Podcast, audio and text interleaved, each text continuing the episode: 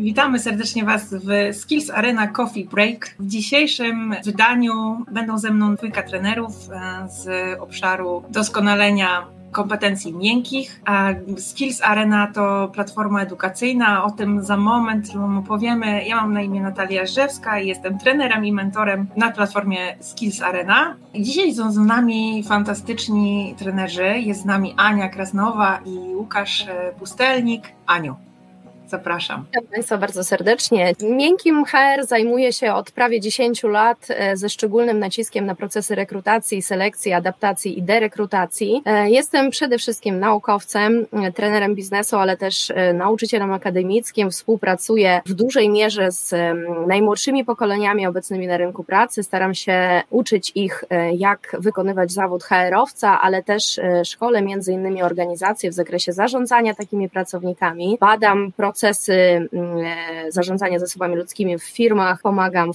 wprowadzać pewne modyfikacje w tych procesach tak, żeby odpowiadały na współczesne potrzeby rynku pracy. Bardzo ciekawe masz doświadczenia, Aniu, ja się cieszę, że będziemy miał okazję porozmawiać. Ja jestem linowcem, ty z obszaru HR, bardzo te tematy zawsze mnie interesowały. Kaszu, teraz, teraz dla ciebie chwilka czasu, żebyś powiedział, e, czym się zajmujesz w Skills Arena. Dzień dobry Państwu. Skills Arena odpowiadam za wiele obszarów, ponieważ tak się składa, że jestem jednym z współzałożycieli, ale od 16 lat to, co najbardziej mnie pasjonuje i co najbardziej jest moim DNA, to praca z ludźmi, głównie z e, menadżerami, kierownikami, dyrektorami, ale jednocześnie też szeroki zakres moich doświadczeń to obszar obsługi klienta i sprzedaży. Anią mam wspólny jeden kawałek, to znaczy bardzo cenię sobie pracę akademicką, ponieważ mam przyjemność pracować też na poznańskim SWPS-ie od już dobrych 10 e, lat e, na studiach podyplomowych. No i ja jestem tym, można powiedzieć, takim praktykiem pracujący z wieloma branżami, zmierzający się z różnymi wyzwaniami menadżerów, ale i też, ale i też specjalistów, tak jak wspomniałem, w obszarze pracy czy z klientem, czy współpracy wewnętrznej. Dlatego cieszę się, że mam okazję być tu z Wami i mam nadzieję podzielić się też ciekawymi przykładami, ale i też podyskutować na no, ciekawy i pojemny temat. Teraz poprosiłabym Ciebie, Łukasz, jeszcze przy okazji, jak jesteśmy tutaj przy, z Tobą, to żebyś powiedział parę, parę zdań po prostu o Skills Arena. Co to jest za platforma, dla kogo i dlaczego warto? Mam nawet osobiście taki trochę dylemat, czy, czy jesteśmy platformą, bo tak w dużym skrócie, e, a jednocześnie w takiej pigułce to chciałem powiedzieć, że jesteśmy firmą szkoleniową zrzeszającą świetnych trenerów, która próbuje i myślę, że w bardzo ciekawy sposób i efektywny łączy tradycyjne podejście warsztatowe z nowoczesną formą, ja to nazywam trochę tak potocznie, materiałów szkoleniowych, czyli możliwością e, E, wzmacniania efektu szkoleniowego poprzez dostęp do aplikacji webowej, którą często mhm. nazywamy platformą, ale jednocześnie, i to bardzo ważne, dostęp do wszystkich naszych trenerów, którzy te treści dostarczają, ponieważ e, bardzo mocno wierzymy od samego początku, że najważniejsze w pracy tej rozwojowej jest połączenie edukacji, wiedzy, ale z realnym treningiem. Szczególnie ja jako były sportowiec mam bzika na tym punkcie, ale dodam też, że, że ważnym takim kawałkiem jest to, że oczywiście te projekty realizujemy starając się maksymalnie dostosować do realnych potrzeb w organizacji. No i to chyba jest takim y, kluczem, żeby Skills Arenę kojarzyć jako arenę możliwości, ale i też trenerów, też wygodnej, dostępnej w każdym miejscu, każdej godzinie platformy czy aplikacji, e, w której znajdziemy i ćwiczenia, i zadania, i możliwość konsultacji, spotkań z trenerami. No ja jak myślę o Skills Arena, to od razu przychodzi mi na myśl, e, że to nie tylko właśnie kursy i przygotowane merytoryczne treści, ale przede wszystkim to, co uwielbiam najbardziej, czyli mentoring, więc sesje coachingowe i mentoringowe to jest to, coś, co możecie tutaj e, znaleźć dla siebie, więc e, serdecznie zapraszamy Was. A dzisiaj pomyśleliśmy, że chcemy dać się Państwu poznać, mieć możliwość spotkania z Państwem w formie takiej on, online'owej, móc porozmawiać z Państwem na temat, na tematy, które prawdopodobnie Was nurtują, bo nas jako trenerów jako konsultantów, jako doradców, jako mentorów nurtują i, i doświadczamy tego e, czasem na własnej skórze, e, czasem doświadczamy tego e, poprzez opowiadane historie od naszych klientów. Wybraliśmy dla Was dzisiaj temat, który myślę, że będzie bardzo interesujący, dlatego że nie będzie dzisiaj o onboardingu uwaga, nie będzie to temat onboardingu, choć może, może tak się spodziewaliście. Będziemy rozmawiać o czterech innych procesach boardingowych. Porozmawiamy o tym tutaj i z Anią, i z, i z Łukaszem, jak jak sprostać tym wyzwaniom w dzisiejszych czasach, e, zmiennych, trudnych, wymagających, więc e, o tych procesach dzisiaj, e, dzisiaj porozmawiam i bardzo się cieszę, że, że mamy okazję do tego żeby, żeby, to, żeby to zrealizować. Zaczniemy od, od y, haseł, które, które być może i dla Państwa y, nie są zrozumiałe. Na szczęście jest tutaj z nami Ania, opowie nam o tym, co, co oznacza re i changeboarding. Aniu, poprosimy Ciebie. Z chęcią wyjaśnię mm, te różnice, ale rozpoczniemy od podobieństw. Przede wszystkim zarówno mm, programy e, reboardingowe, jak i changeboardingowe są skierowane do pracowników, którzy cały czas pozostają w naszej organizacji. Z różnych względów natomiast przechodzą przez e, pewne zmiany i te zmiany mogą być spowodowane zarówno e, działaniami organizacji wewnątrz struktur organizacyjnych, jak i pewnymi sytuacjami z życia osobistego tych pracowników. W związku z tym Mówimy tutaj e, o różnych grupach pracowników. Można wyodrębnić sześć takich grup pracowników. No i możemy powiedzieć, że przede wszystkim są to pracownicy, którzy powracają do pracy po długotrwałej nieobecności, do których powinniśmy skierować przede wszystkim programy reboardingowe, czyli tak zwanego ponownego wdrożenia. E, mogą to oczywiście być nieobecności spowodowane na przykład urodzeniem dziecka i przebywaniem na różnego rodzaju urlopach e, macierzyńskich, rodzicielskich, czy wychowawczych. Mogą to też być długotrwałe nieobecności związane z chorobami i rekonwalescencją e, pracowników, ale też na przykład sytuacje, w których nasi pracownicy biorą urlopy mm, edukacyjne, czy tak zwane e, urlopy sabbatical związane z podratowaniem zdrowia, czy z odnalezieniem nowej ścieżki, nowej ścieżki do rozwoju zawodowego. W każdym z tych przypadków ta dłuższa nieobecność e, może spowodować konieczność ponownego właśnie wdrażania pracownika do pracy, do organizacji, na stanowisku, czy też do e, zespołu pracowniczego. E, drugą grupą pracowników są pracownicy zmieniający stanowiska pracy. E, to są pracownicy, którzy mm, w ramach zmian zachodzących w organizacji muszą na przykład przejść na równoległe stanowisko pracy, e, ale też e, są to pracownicy zmieniający jednostkę organizacyjną, na przykład w sytuacji, w której e, zamykana jest jedna placówka firmy, a pracownicy z tej placówki są, placówki są przenoszeni do innej placówki, mimo że będą wykonywali tę samą pracę, zajmowali to samo stanowisko, to muszą się zmierzyć ze zmianą, jaką jest chociażby środowisko pracy, często też zespół, lokalizacja, a nie niekiedy nawet asortyment produktowy czy usługowy, z którym e, mają mieć do czynienia. Czwarta kategoria to są pracownicy organizacji,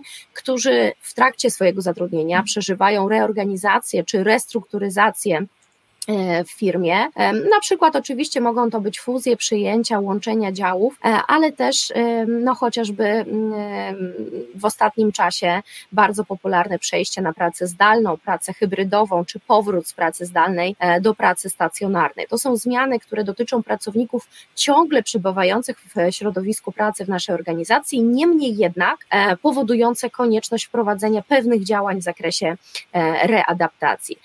Oczywiście są to też pracownicy awansujący, tu należy pamiętać o tym ze względu na to, że ta adaptacja powinna dotyczyć nowej roli, którą e, ci pracownicy będą pełnili. Niejednokrotnie będą na przykład zarządzali, kierowali współpracownikami, z którymi wcześniej byli na tym samym poziomie, a teraz na przykład muszą ich rozliczać z pewnych zadań, weryfikować postępy w pracy, pomagać, wspierać, e, więc e, zdecydowanie w tym zakresie należałoby podjąć pewne działania, ale też zespół, w którym taki pracownik awansuje, powinien przejść przez pewną zmianę i właśnie programy e, reboardingowe mają za zadanie, czy changeboardingowe wesprzeć cały zespół z taką zmianą. No i ostatnią kategorią są e, pracownicy degradujący, może nieco rzadsza sytuacja w obecnych organizacjach, niemniej jednak się zdarzająca ze względu chociażby właśnie znowuż na te wszechobecne restrukturyzacje, ale też na sytuację, w której pracownik po wypróbowaniu swoich możliwości na określonym stanowisku pracy sam na przykład zdaje sobie sprawę, że nie do końca mógłby e,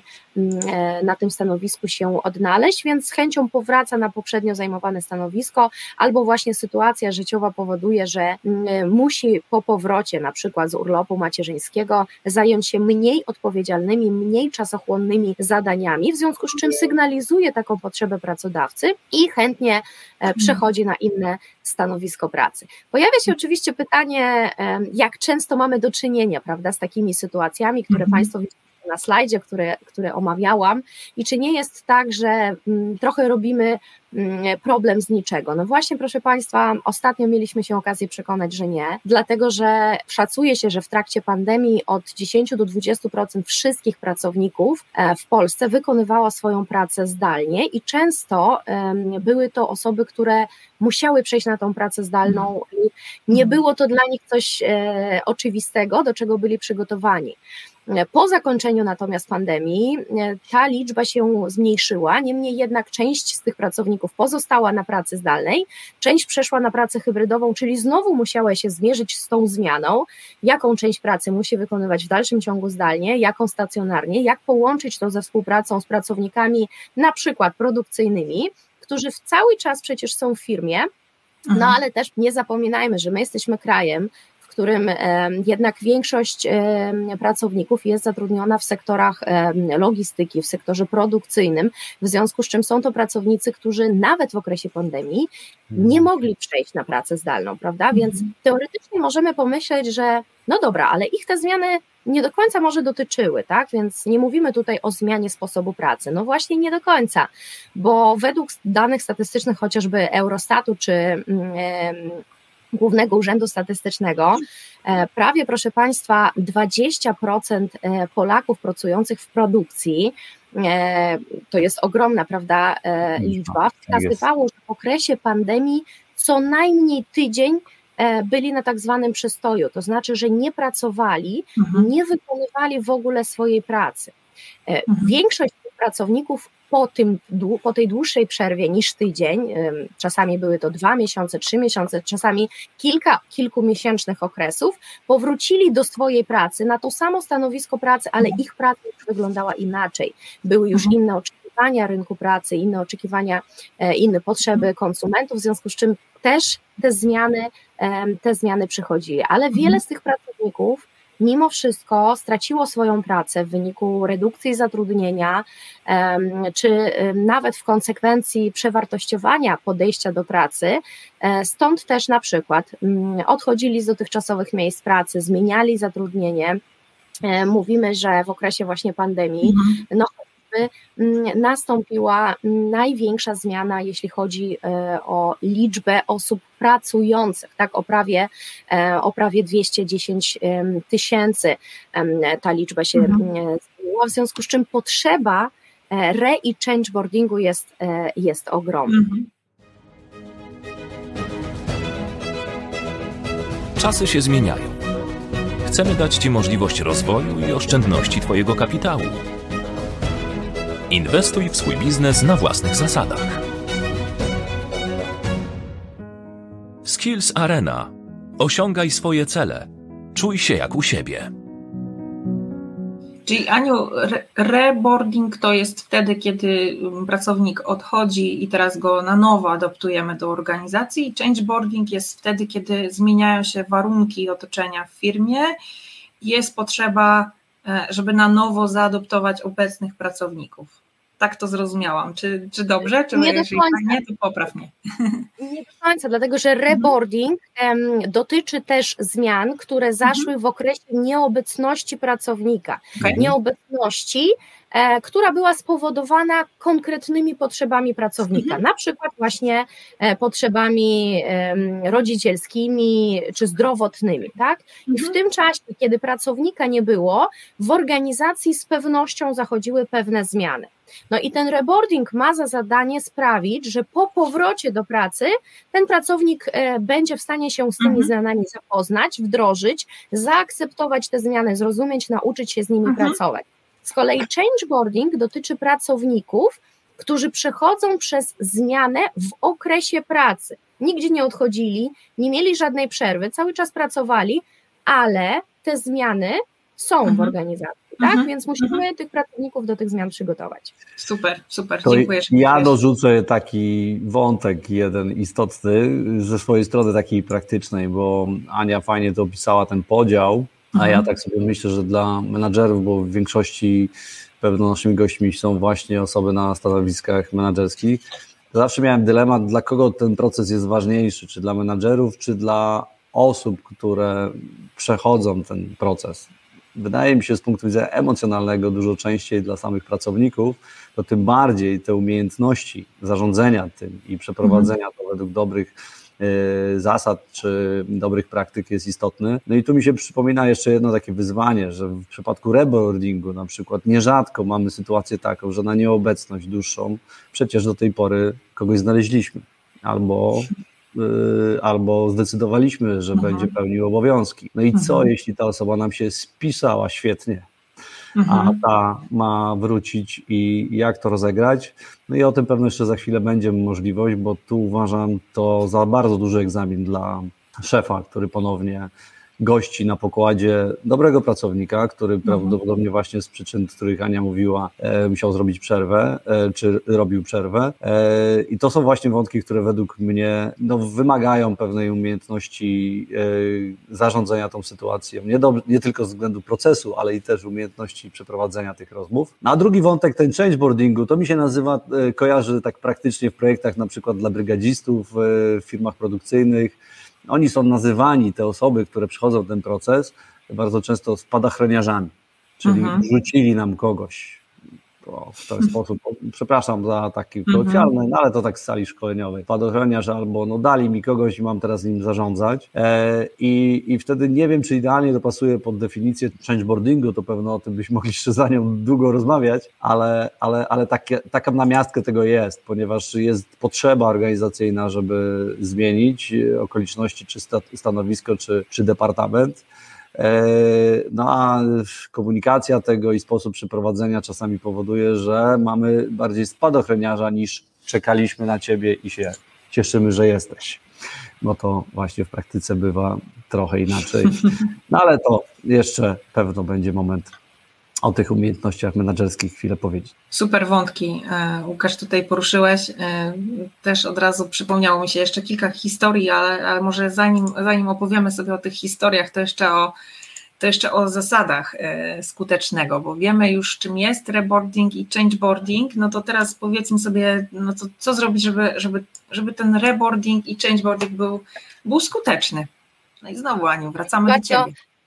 E, bardzo mi się właśnie e, mocno zazębia z tym, o czym Łukasz powiedział, prawda, z tymi działaniami menedżera, przede wszystkim kierownika liniowego, bo w różnych strukturach inaczej te osoby się nazywają.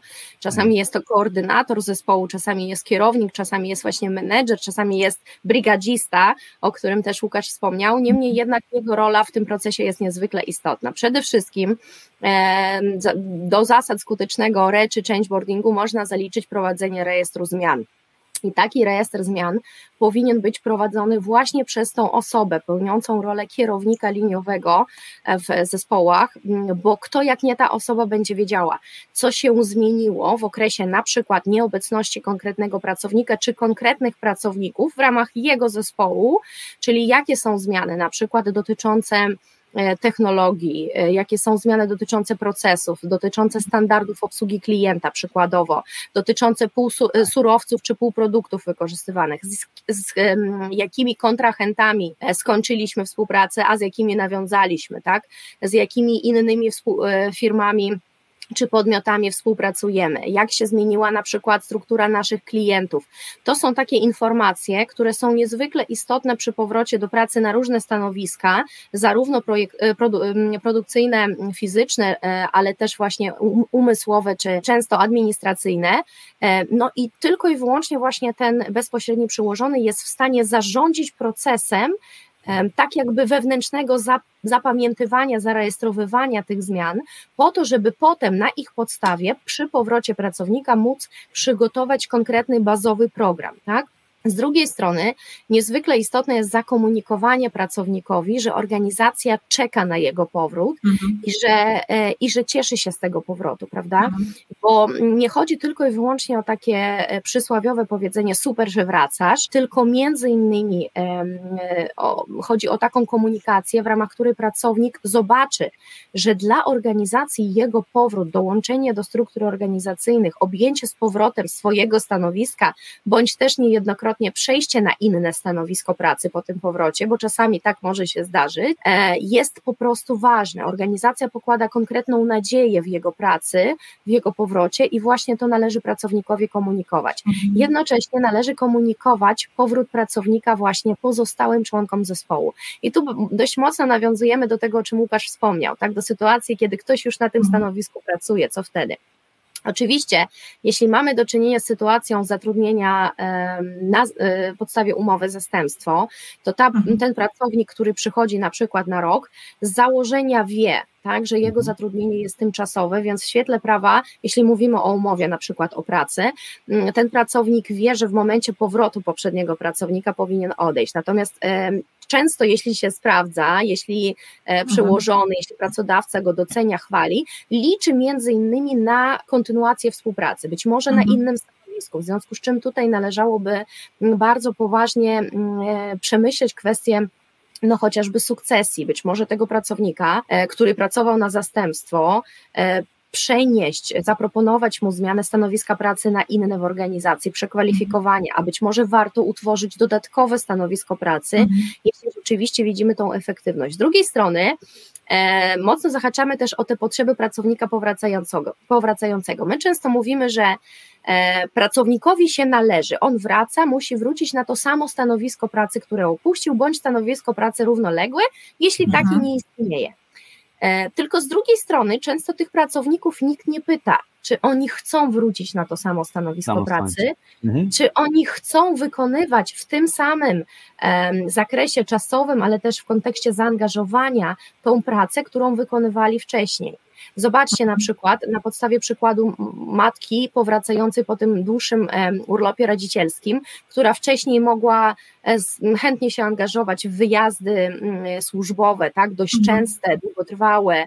Miała po prostu na to czas e, i była super reprezentantem firmy, efektywnym pracownikiem, natomiast teraz przez okoliczności e, prywatne, no przez pewien czas nie będzie mogła aż tak poświęcić się swojej pracy, więc może byłoby dobrym rozwiązaniem e, przeprowadzenie szczerej rozmowy z pracownikiem powracającym na temat tego, czego oczekuje od e, swojej pracy teraz po powrocie, e, czy zdaje sobie sprawę, jak się zmieniło jego podejście, jakie ma nowe tak naprawdę potrzeby, mhm. które się pojawiły, nowe wartości i czy y, organizacja w jakimś zakresie mogłaby jego wesprzeć w tym, tak? Mhm. Czy mogłaby się dostosować do tego, jakim teraz jest pracownikiem, bo niewątpliwie jest innym, innym mhm. pracownikiem niż dotychczas. Mhm. Tak mhm. samo jest w kontekście w kontekście zespołu, tak? Zespół, do którego taki pracownik powraca, nawet jeśli nie uległ um, takiej zmianie osobowej, to znaczy, że co praktycznie nie jest możliwe, ale załóżmy, że mamy tych samych pracowników, prawda? Mhm. To po tym okresie roku, dwóch lat nieobecności pracownika, to już nie są ci same, te same osoby, mhm. to nie są ci sami pracownicy. Mhm, Oni już posiadają wiek, większe doświadczenie, inne kompetencje, mhm. inny wachlarz tak naprawdę mhm. Mm, doświadczenia, ale też często inaczej już patrzą na tą współpracę, więc do nich się też należy przystosować.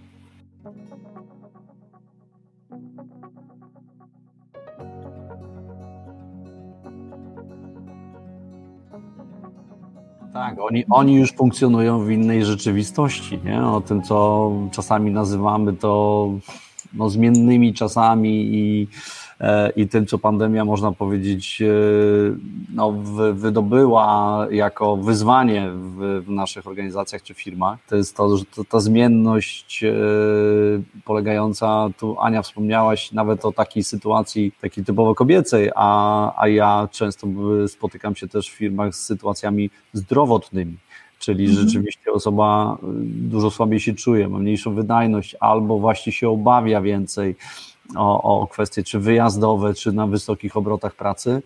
No i to, co mi się tutaj tak zapaliła taka lampka, co jest często wyzwaniem moim zdaniem przy y, y, reboardingu, to jest to, żeby zdecydowanie nawiązać ten kontakt znacznie wcześniej przed mhm. przyjściem mhm. ponownym. E, o tym trochę przy pre powiemy jeszcze sobie, ale, ale tu mamy tą samą sytuację. Mhm. Znamy datę, ona jest trochę dla nas takim deadline'em i tak dalej. I tam wszyscy czekają, co to będzie, jak to będzie i no i właśnie, i wtedy faktycznie y, może być y, trochę późno zarządzać tym w momencie, gdy już wszyscy się mhm. w danym dniu zorientują, a to dzisiaj, Dokładnie, dokładnie. E, dlatego właśnie mm, e, no, należy generalnie planować e, pre, re, re czy changeboarding mhm. i prowadzić właśnie tak, jak wspomniałeś, te działania komunika komunikacyjne przez tak naprawdę cały okres nieobecności tego pracownika, mhm. jeśli mówimy o reboardingu, dlatego że on musi wiedzieć,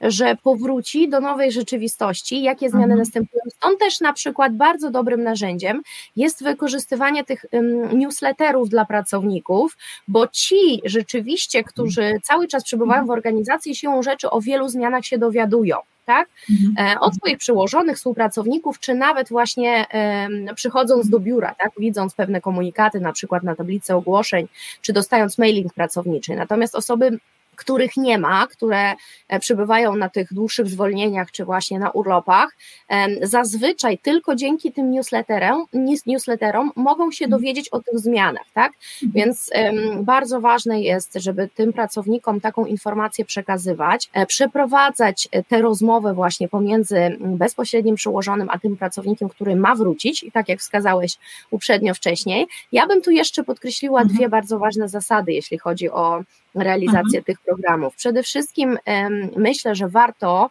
od strony kierownika uświadomić sobie, że nie ma takiej możliwości, żeby pracownik po powrocie od razu osiągnął pełną efektywność, taką, którą mhm. miał e, przed tak? E, mhm. tą, tą nieobecnością, więc jest to proces adaptacji, a jak każdy proces adaptacji wymaga określonego czasu. Nie jesteśmy w stanie określić, jaki to jest czas, bo to zależy od stanowiska, od organizacji, od osoby, od okresu nieobecności i od okoliczności oczywiście. Niemniej jednak powinniśmy dać mu ten czas, powinniśmy go wspierać, e, mhm. ale też uświadomić mu, że wiemy, że żeby znowu stać się tym w pełni efektywnym pracownikiem, trochę tego czasu potrzebuje. Mhm. mhm. Pracownik potrzebuje czuć to wsparcie również na poziomie mentalnym. No i ostatnia taka chyba moja rada, jeśli chodzi o E, podejście do projektowania e, reczy changeboardingów to jest pamiętanie o budowaniu tożsamości organizacyjnej, która jest niezwykle istotna i która może zostać utracona właśnie w okresie tej nieobecności pracownika, ale też w okresie zmian w sytuacji, kiedy na przykład przechodzimy rebranding, czy w sytuacji, w której zmieniamy mhm. e, asortyment, czy w sytuacji, w której mm, zamykamy jednostki, otwieramy nowe placówki, mhm. bardzo często mniejszą uwagę poświęca się temu, żeby budować tą tożsamość organizacyjną, przynależność do organizacji. Nie mówimy tutaj już o lojalności w takim tradycyjnym e, rozumieniu pozostania w organizacji, bo wiemy, że już to tak naprawdę uległo bardzo dużej, dużej zmianie. E, i ta lojalność teraz nie, kojarzy, nie jest kojarzona tylko i wyłącznie z byciem tak, pracownikiem. Mhm. Niemniej jednak e, ta tożsamość powinna być budowana, mhm. między innymi za pomocą e, dowartościowania pracownika, podkreślenia celowości bycia mhm. tego pracownika w organizacji na określonym stanowisku, ale też uświadomienia, czemu mają służyć konkretne zmiany.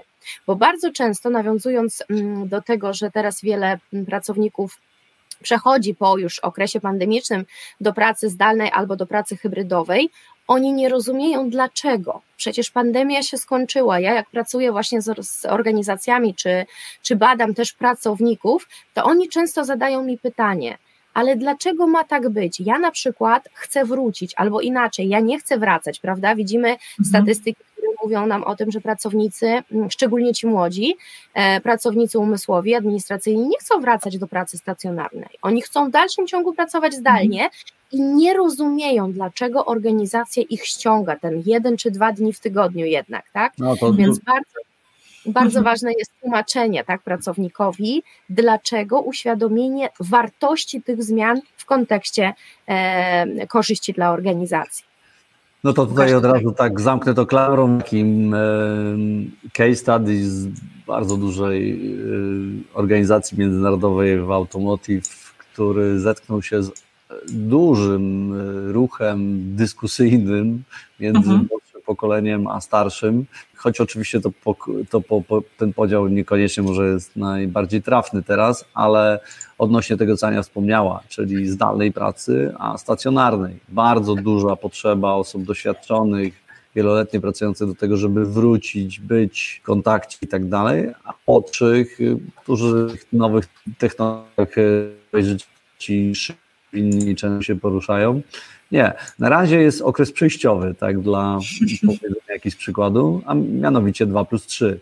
I, I ta hybryda, czy ten miks y, jest takim trochę kompromisem, a wiemy, że kompromis to nie zawsze najlepsze rozwiązanie w sytuacji negocjacyjnej czy konfliktowej. Nie wiem, czy to jest konflikt jakiś duży, ale na pewno różnica zdań i na ten moment jest to takie rozwiązanie, które jest przyjmowane z, no, po prostu mając okazję gdzieś pracy z, e, z pracownikami z tej firmy jako no dobrze, niech będzie, ale, ale, właśnie, ale właśnie jednak nadal słychać różnice, że niektórzy by chcieli mocniej w tą albo mocniej w tą. To też mhm. jest zadanie menedżerskie bez dwóch zdań, no ale i czasami też na poziomie zarządu, bo to jeśli mówimy o bardzo dużej organizacji, to czasami aż wielkiej elastyczności nie możemy dla każdego wykazać e, się w procesie no, realizacji działań i zadań. Mhm. Mhm. Tak, z tego co mówicie, to wyciągam dla siebie kilka takich e, kwestii, jak to, że warto e, prowadzić rejestr zmian, to, to biorę dla siebie tutaj, Ania, co powiedziałaś.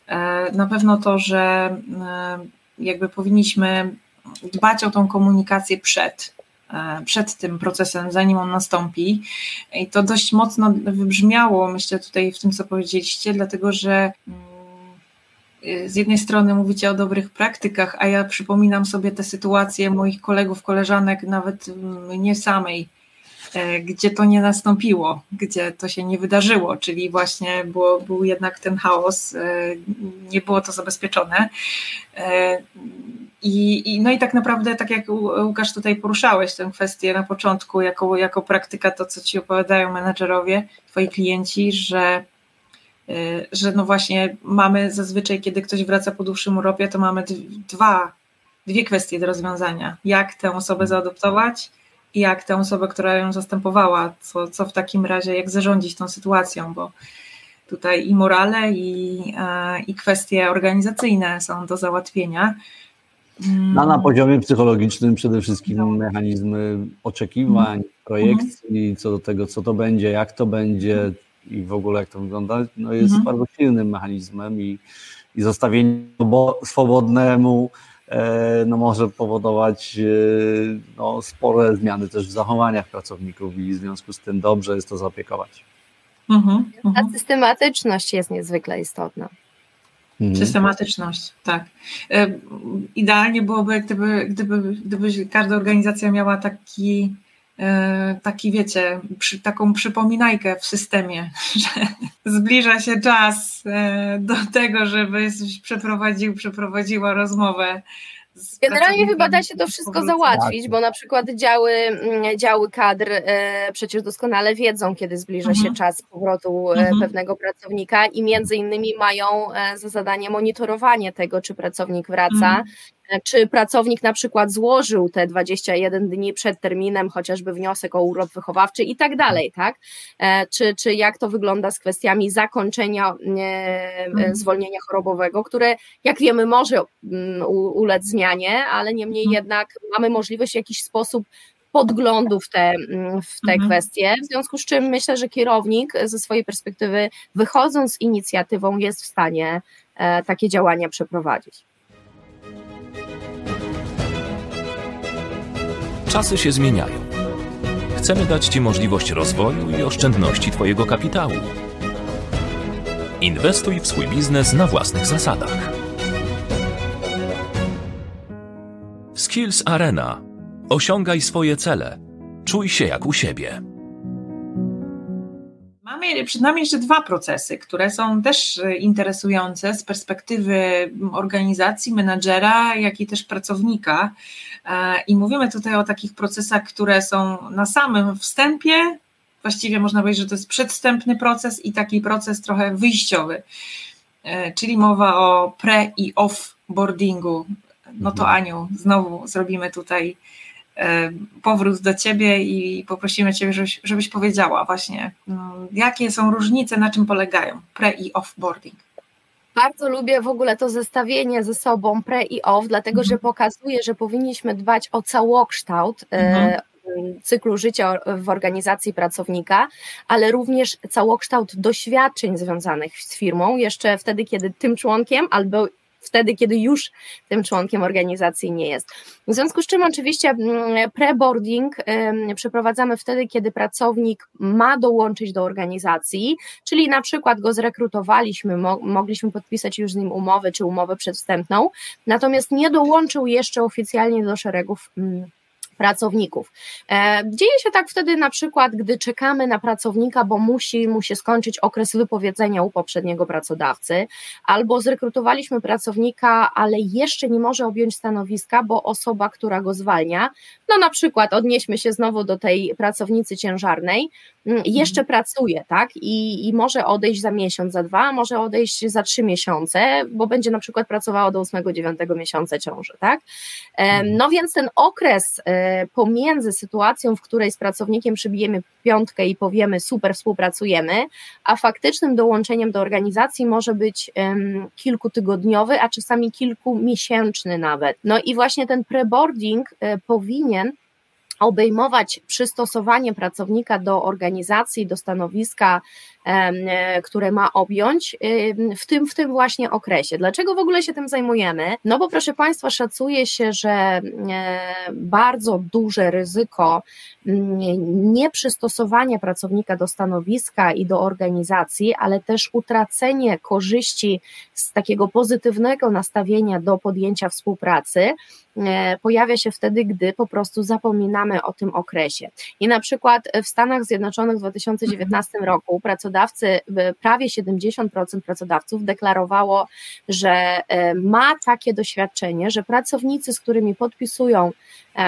porozumienie o współpracy, po prostu e, nie docierają pierwszego dnia pracy do, do, swoich firm, na swoje stanowiska pracy. Dzieje się tak dlatego, że właśnie utracony zostaje ten, ten okres pre, prezatrudnienia, tak bym też mogła, mogła mm, go nazwać. Natomiast mhm. offboarding, jak sama nazwa wskazuje, ma pomóc pracownikowi, ale też organizacji, czyli między innymi pozostającym w firmie pracownikom, w adaptacji do zmian, które zachodzą w związku z pożegnaniem się z mhm. pracownikiem.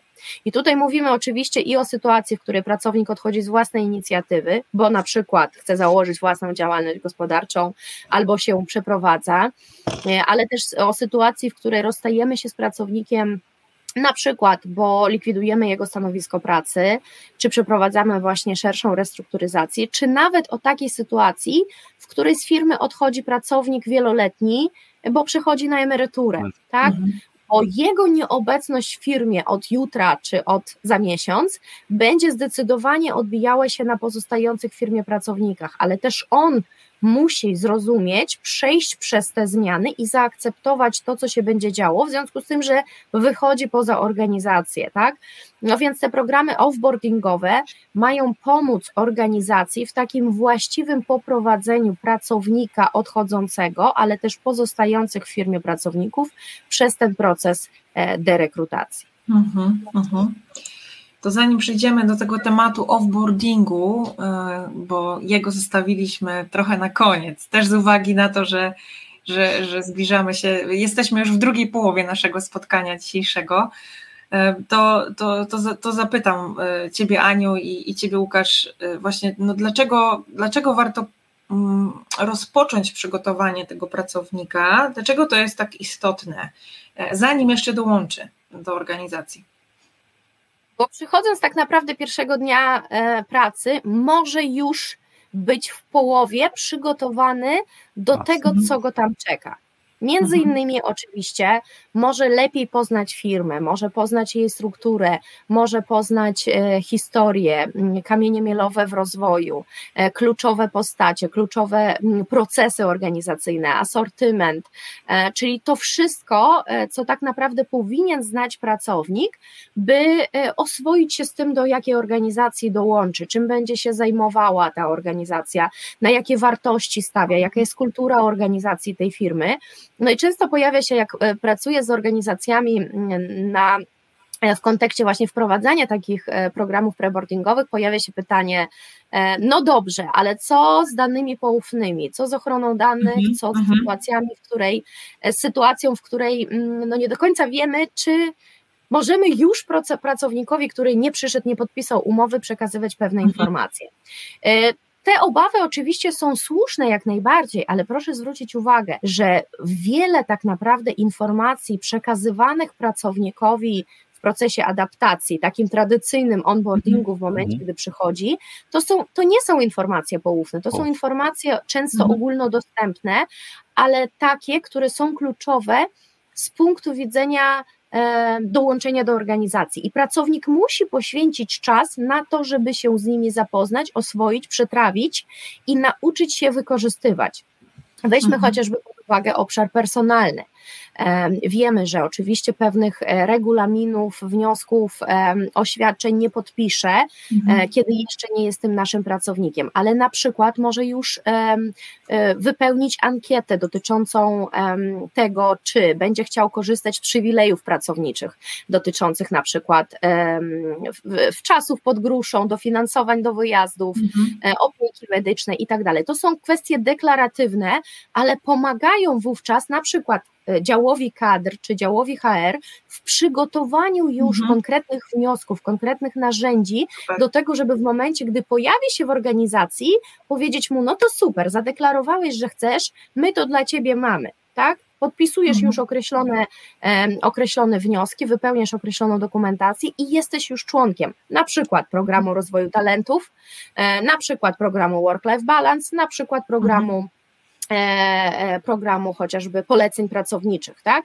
Już mhm. wiesz, dołączając do organizacji, jakie te aspekty w kontekście personalnym działają. Z drugiej strony, e, weźmy pod uwagę też obszar stanowiskowy, tak, do którego zazwyczaj oczywiście rozpoczynamy przystosowanie pierwszego albo nawet drugiego, trzeciego dnia pracy, no bo przecież najpierw musi przejść szkolenie BHP, pewne inne kwestie, tak, organizacyjne poznać mhm. i jest to oczywiście zrozumiałe ale na przykład mm, zwróćmy uwagę na taką sytuację, w której jeszcze zanim w ogóle przystąpi do tej pracy, e, wiemy już, że musi posiadać e, adres mailowy, tak, w firmowej domenie. Wiemy, mhm. że musi posiadać hasła dostępów, loginy do jakichś wewnętrznych zasobów informacyjnych, do strony internetowej, do intranetu, do jakichś innych mhm. właśnie baz danych. E, I w tym momencie my możemy go zapoznać, tego pracownika, tak, który jeszcze nie dołączył, od strony teoretycznej, z tym, jakie te zasoby informatyczne, informatyczne są, z którymi z nich będzie miał do czynienia, w jakim zakresie w kontekście stanowiska pracy, tak? Możemy go do tego przygotować, natomiast oczywiście dos, dostęp do pewnych zasobów mhm. damy mu dopiero jak dołączy, ale w kontekście preboardingu pamiętajmy, że my nie mówimy tylko o działaniach skierowanych stricte do tego pracownika, tylko do tych działań, które podejmowane są w organizacji, żeby pre-przygotować pracownika do mhm. dołączenia do organizacji. A więc załóżmy, jest pracownikiem produkcyjnym, szykujemy dla niego, pobieramy od niego wymiary, jeśli chodzi o odzież na przykład służbową, e, przygotowujemy, szykujemy dla niego ten zestaw czy zestawy odzieży służbowej, tak, mhm. odzieży roboczej. Jeśli jest to jakiś uniform, na przykład często w, e, w sytuacji mm, pracowników banków, tak, e, no to też często są to kwestie zamówienia mhm. wcześniej, dopasowania, przygotowujemy już te ubrania dla pracownika wcześniej, szykujemy mhm. stanowisko pracy, zakładamy mu te dostępy w różnych zasobach, które następnie tego pierwszego dnia możemy już mu od razu przekazać, mhm. tak, żeby zaczął od strony praktycznej poznawać tę metodykę współpracy. Weźmy też obszar zespołu, tak? Zobaczcie, już czwarty z zespołów, tak na, e, czwarty z obszarów adaptacji, na który powinniśmy zwrócić uwagę. Mamy do czynienia z sytuacją, w której pracownik e, dopiero dołączy do organizacji, załóżmy za miesiąc, ale już teraz może poznać sylwetki pracowników, mhm. z którymi będzie współpracował tak? Może mhm. przeczytać historię ich kariery w ramach organizacji, podstawowy zakres obowiązków, zobaczyć, jakie są zależności pomiędzy mną na tym stanowisku, które za chwilę obejmę, a tymi pozostałymi pracownikami w ramach struktury mojego działu. Mhm. Więc to są takie podstawowe chyba informacje, które mm, mogą obejmować przygotowanie pre-boardingu pracownika, a mhm. jednocześnie nie narażą organizacji na wyciek jakichś danych, czy tutaj te kwestie e, dyskusyjne czy sporne, jeśli chodzi o przekazywanie pewnych, e, pewnych danych. Ja, ja tutaj bym dodał jeszcze takie dwa wątki, jeśli mogę, to jeden to myślę, że ten list intencyjny, NDA i tego typu formularze często pozwalają nam uruchomić to, co Ania wspomniała, wiele, wiele elementów procesu, ale nasuwa mi się jeszcze jeden taki ważny wątek dla menedżerów. Niesłychanie angażujący jest to proces. Jeśli z punktu widzenia psychologii mhm. ktoś o mnie zabiega, zanim ja jeszcze coś świadczę, mhm. to, to kto tego nie lubi? Oczywiście znajdą się nam wyjątki, natomiast drugi kawałek, który z punktu widzenia takiego menadżerskiego wydaje mi się ważny, to jeśli jesteś menadżerem, sam czekasz na, na tego pracownika, ale masz wśród swoich pracowników i sam nie poświęcisz na to wystarczająco tam czasu i nie, nie masz te, tego tylu, pomyśl, kto mógłby być tym mentorem, opiekunem wdrożenia Czyli mhm. onboardingu dzisiaj nie będzie, ale, ale ten preboarding już może mieć miejsce mhm. i żeby mentor, opiekun był tym, który jest zmotywowany i zaangażowany, bo z moich doświadczeń nierzadki błąd również w tym procesie e, polega na tym, że szefowie trochę widząc wśród swoim zespole, w swoim zespole, przepraszam, e, jakichś lekko znudzonych, doświadczonych pracowników, no to mówią, no dobra, to zajmiesz się nowym. No i mamy 2 do 0, ale na niekorzyść, czyli, czyli zdecydowanie e, nowy pracownik zaczyna doświadczać e, podwójnych, e, nieciekawych procesów, mhm. bo że nie zawsze słyszy dobrze o firmie, B proces z reguły zwalnia i jest niedopilnowywany. Dlatego tutaj też taki wątek praktyczny zdecydowanie bym dorzucił, że ważne kto, i że nie, tak jak Ania powiedziała, nie trzeba czekać do ostatniej chwili, zdecydowanie dobrze jest to skoordynować z wyprzedzeniem, co się przekłada mhm. na ten mechanizm zaangażowania, o którym tak dużo mówimy teraz, że go stale brakuje, a tym możemy go zaszczepić. To tutaj do tego, co, co mówicie, to, e, to bardzo przypomniała mi się moja historia osobista, kiedy w sumie dwukrotnie zostałam zaproszona do, do, do kiedy rozpoczynałam współpracę z jednym z pracodawców i zostałam dwukrotnie zaproszona na takie spotkanie integracyjne, połączone właśnie wyjazdowe spotkanie integracyjne. I, i to mi bardzo e, zaimponowało, jak organizacja podchodzi właśnie do mnie i chcę, żebym ja szybko weszła w, w otoczenie i żebym mogła, miała możliwość, tak, czyli umożliwianie, e, umożliwienie mi tego procesu poznania ludzi bardzo mnie przekonało do tego, żeby w to, że z ochotą wielką i entuzjazmem weszłam do, do tej organizacji. A druga rzecz, o której Ania, y, o której chciałam powiedzieć i, i nawiążę tutaj do tego, co ty powiedziałaś, Aniu, żeby, że to że te procesy preboardingowe przyspieszają procesy onboardingowe, no to widzę ogromną korzyść, że, że pracownik nie czeka. To jest jedno z marnotrawstw jako linowczyni, to tutaj od razu zwróciłam na to uwagę. Mm, no bo przecież e, nasz nowy pracownik, którego zatrudniamy, to jest nasz, e, to jest nasz klient, więc, więc co możemy zrobić, żeby, żeby klient nie czekał e, na to, żeby nie spóźniał serwisu. Dokładnie, dokładnie, żeby dostarczyć tę usługę. Super. Mhm. Bardzo, bardzo ciekawy jest preboarding. Myślę, że moglibyśmy spędzić na tym temacie, jak i tych poprzednich, jeszcze drugie, drugą godzinę. Spróbujemy jeszcze dzisiaj dokończyć i opowiedzieć o tym trzecim, czwartym procesie już, czyli znowu celowo zostawiliśmy to, prawda, na koniec offboarding. Myślę, że też bardzo ciekawy, trudny proces, w zależności od okoliczności, o których Ania wspominałaś. Przypominają mi się różne historie, no ale zacznijmy, zacznijmy od Was tutaj. Jaką rolę odgrywa offboarding w procesie rozstawania się z pracownikiem? Dlaczego to jest tak istotne? Ania, może ty tak. parę zdań, y, tak, żeby nie popełnić gafy jakiejś co do, do, do, definicji, a ja chętnie też y, parę słów powiem o, o przykładach i doświadczeniach, ale i algorytmach przydatnych w pracy menedżera.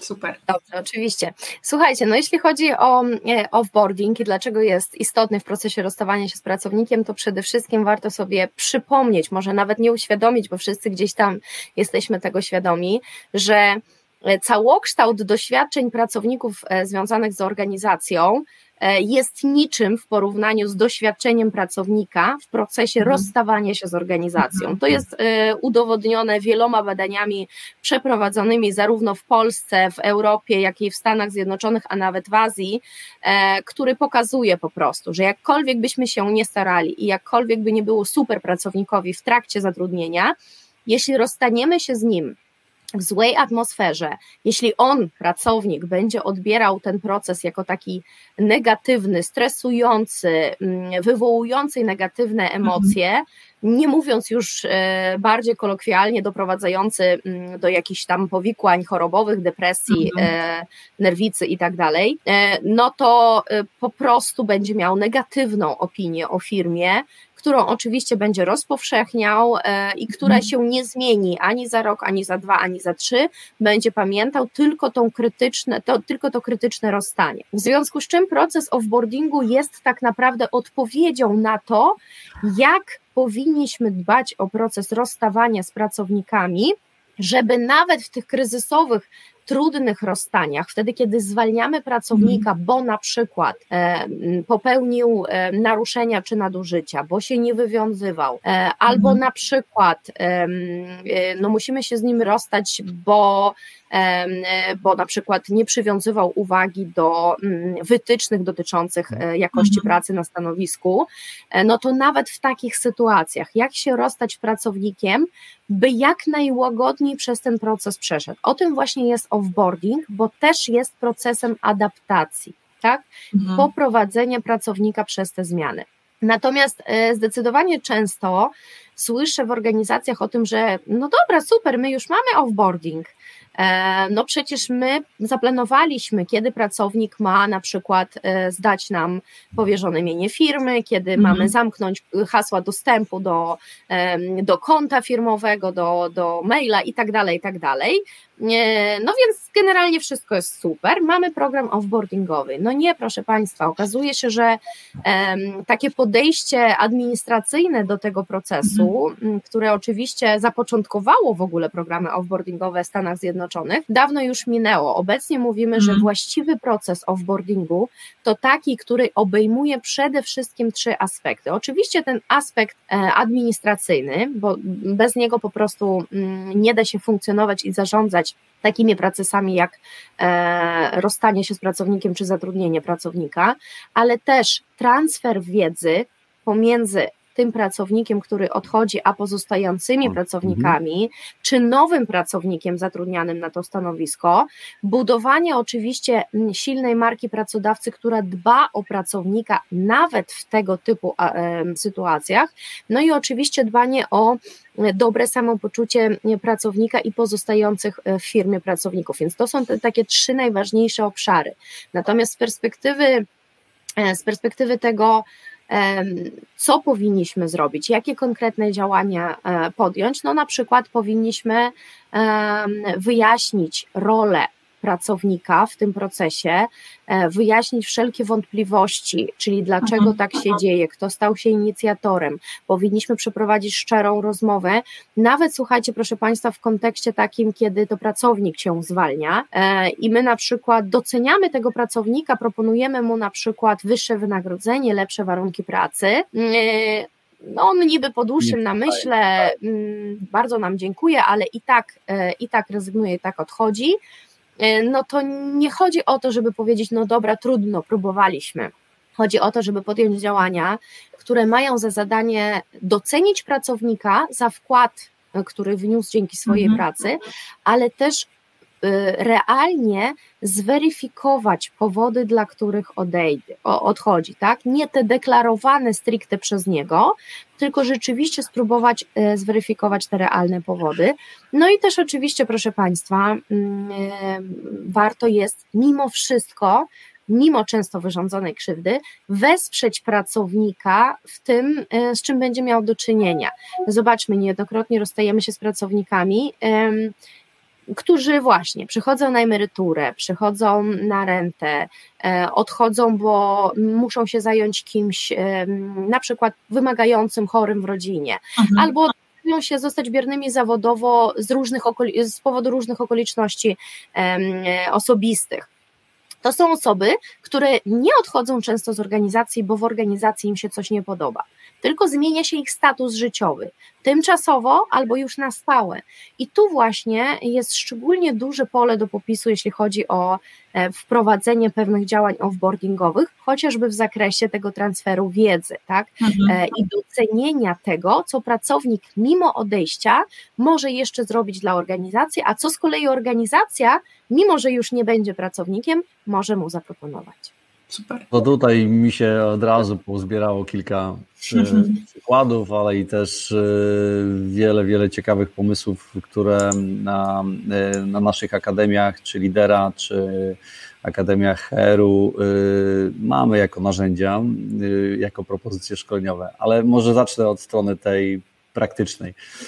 Przypomniało mi się od razu doświadczenie jednego z moich klientów, a dokładnie doświadczonego MIT specialist w obszarze IT, który dostał informację o rozwiązaniu współpracy w ciągu 15-minutowego niezapowiedzianego kola.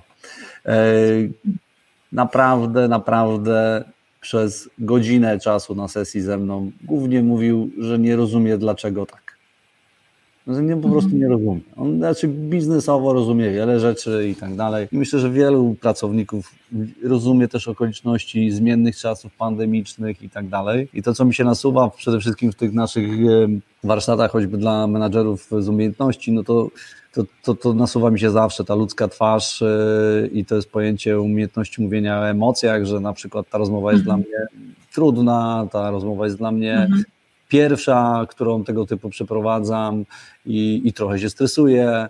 I, I naprawdę to są rzeczy, które potrafią na poziomie emocji i takiej, jak to powiedziała Ania, chyba szczera, to ja to nazywam ludzko. Po prostu po nie każdy musi dobrać piękne słowa, e, ale, ale po ludzku dobrze jest pamiętać, że pracownik, który z nami był 12 lat, to nie robił tylko zło, zło dla firmy na 100% dużo dobrego. W związku z tym czasami żyjemy tymi ostatnimi chwilami trochę jak w związkach i w konfliktach takich sytuacyjnych, e, relacyjnych. E, skupiamy się na tym, co było właśnie tu i teraz i że to było nieprzyjemne i trudne, albo jak chcieliśmy dać podwyżkę o 10% od no to po prostu już rozpuszczone do, do krwi i kości. A, a bardzo często nie sięgamy tego, co jest trudną umiejętnością, a co nazywam, Ania nazwałaś to takim głębokim, prawdziwym motywem. My to nazywamy mm -hmm. często interesami z punktu widzenia psychologicznego, czyli motywacją wewnętrzną, że dla mnie ważniejsze jest poświęcenie się dla rodziny, e, dla sytuacji mhm. rodzinnej teraz, niż na przykład e, rozwój zawodowy, co jest bardzo piękną oznaką i wartościową i zaopiekowanie takiego, takiej osoby na jakiś okres może być wspaniałym pre-boardingiem mm. czy reboardingiem, e, reboardingiem chyba bardziej wypasowało teraz, E, w tych całych okolicznościach. I myślę, że tu taki mój apel e, dla, e, znaczy apel, to, jest taka moja rekomendacja i bardzo wierzę mocno to razem z trenerami, którymi, którymi tworzymy Akademię Szefa, że po w derekrutacji na przykład jest naprawdę wartościowe, że nieważna strategia, bo z taką też się spotykam, bylebyśmy w sądzie pracy się nie spotkali. No, po ludzku z dużo większym problemem się nie spotkamy. No, zwyczajnie. Mhm. Ale wiadomo, że nie przewidzimy przyszłości. Teraz takie czasy, ale i też z punktu widzenia psychologicznego wszystkiego się nie da yy, przewidzieć absolutnie. Z jednej strony to wspaniałe, z jednej strony wymagające i dlatego myślę, że warto dbać na tych wszystkich czterech obszarach, na tych czterech rodzajach boardingów, choć jeszcze mamy piąty, onboarding i pewno Ania by jeszcze jakiś znalazła jakąś jedną odmianę, to, to tutaj po ludzku e, otwarcie, e, ale i też z takim właśnie szacunkiem i inicjatywą, to moim zdaniem to się naprawdę broni. Jeszcze pozwoliłabym sobie dodać już kończąc tutaj, bo widzę, że e, i tak wykroczyliśmy już poza, nasz, po, po, poza zaplanowany e, czas, e, ale zostawiając też Państwa z takim troszkę może niedosytym zaciekawieniem, ale też perspektywą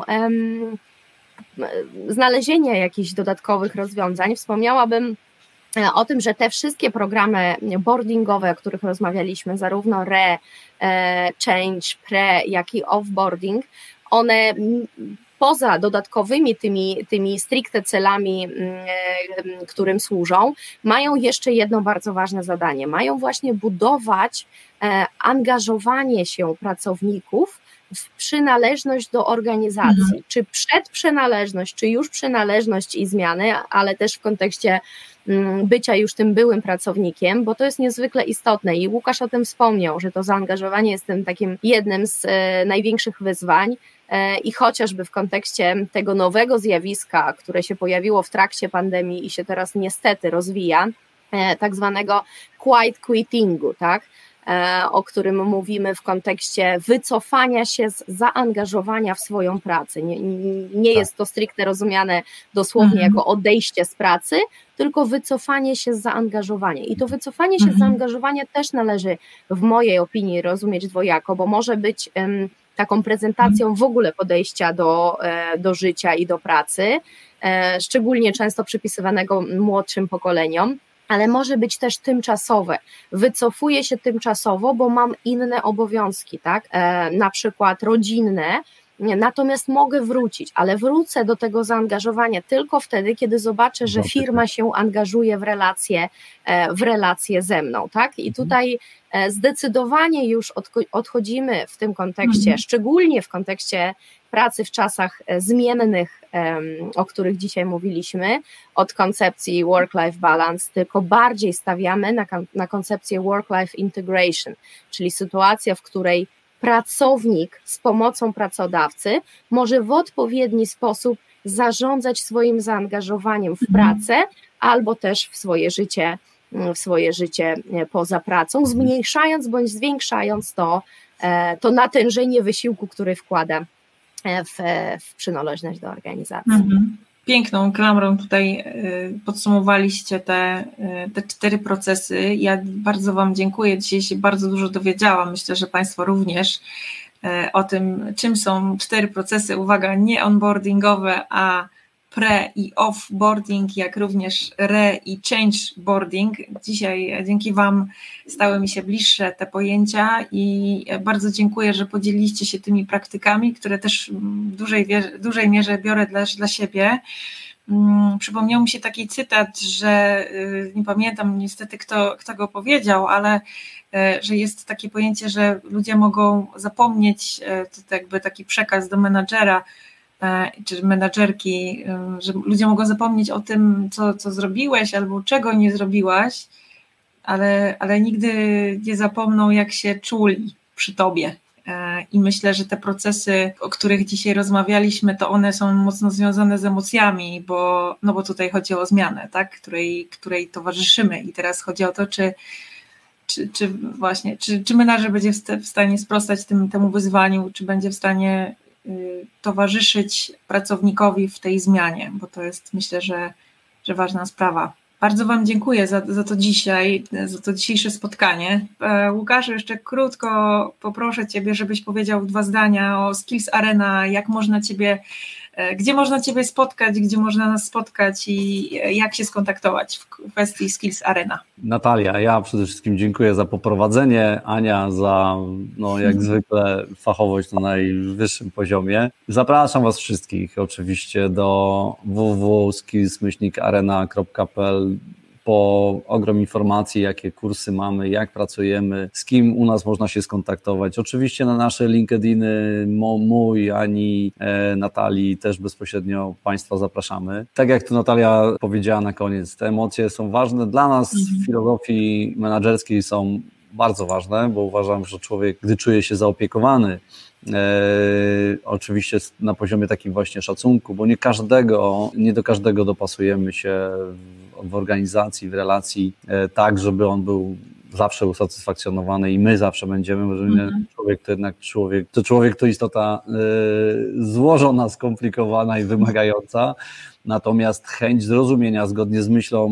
którą my tutaj w tych akademiach często też mamy, twardo do sprawy i miękko do ludzi, to znaczy, że twardo do procesów, zadań, KPI-ów, a miękko do ludzi to spróbuj zrozumieć, a żeby zrozumieć trzeba poświęcić czas, zaangażować się, mhm. poszukać, dopytać, a nie zgadywać albo tylko oznaczać, że jest ok albo nie ok, bo, bo to moim zdaniem warto zrobić trochę więcej, aby doświadczyć często to, co w tej pracy menedżerskiej często bywa satysfakcjonujące, no to to, że pracownik i zmienia za, zaangażowanie i włącza turbo i albo mówi nam takie rzeczy, których nigdy nie słyszeliśmy, co wydaje mi się w roli menedżera dla mnie osobiście bardzo istotne. Trochę jako też ojciec, czasami słyszy się raz na parę lat, mhm. piękne słowa, ale pamięta później na całe życie. Tak, Dziękuję Wam bardzo, Łukasz, Ania, bardzo dziękuję i Państwu wszystkiego dobrego, dobrego popołudnia, dobrego poranku. Pozdrawiamy.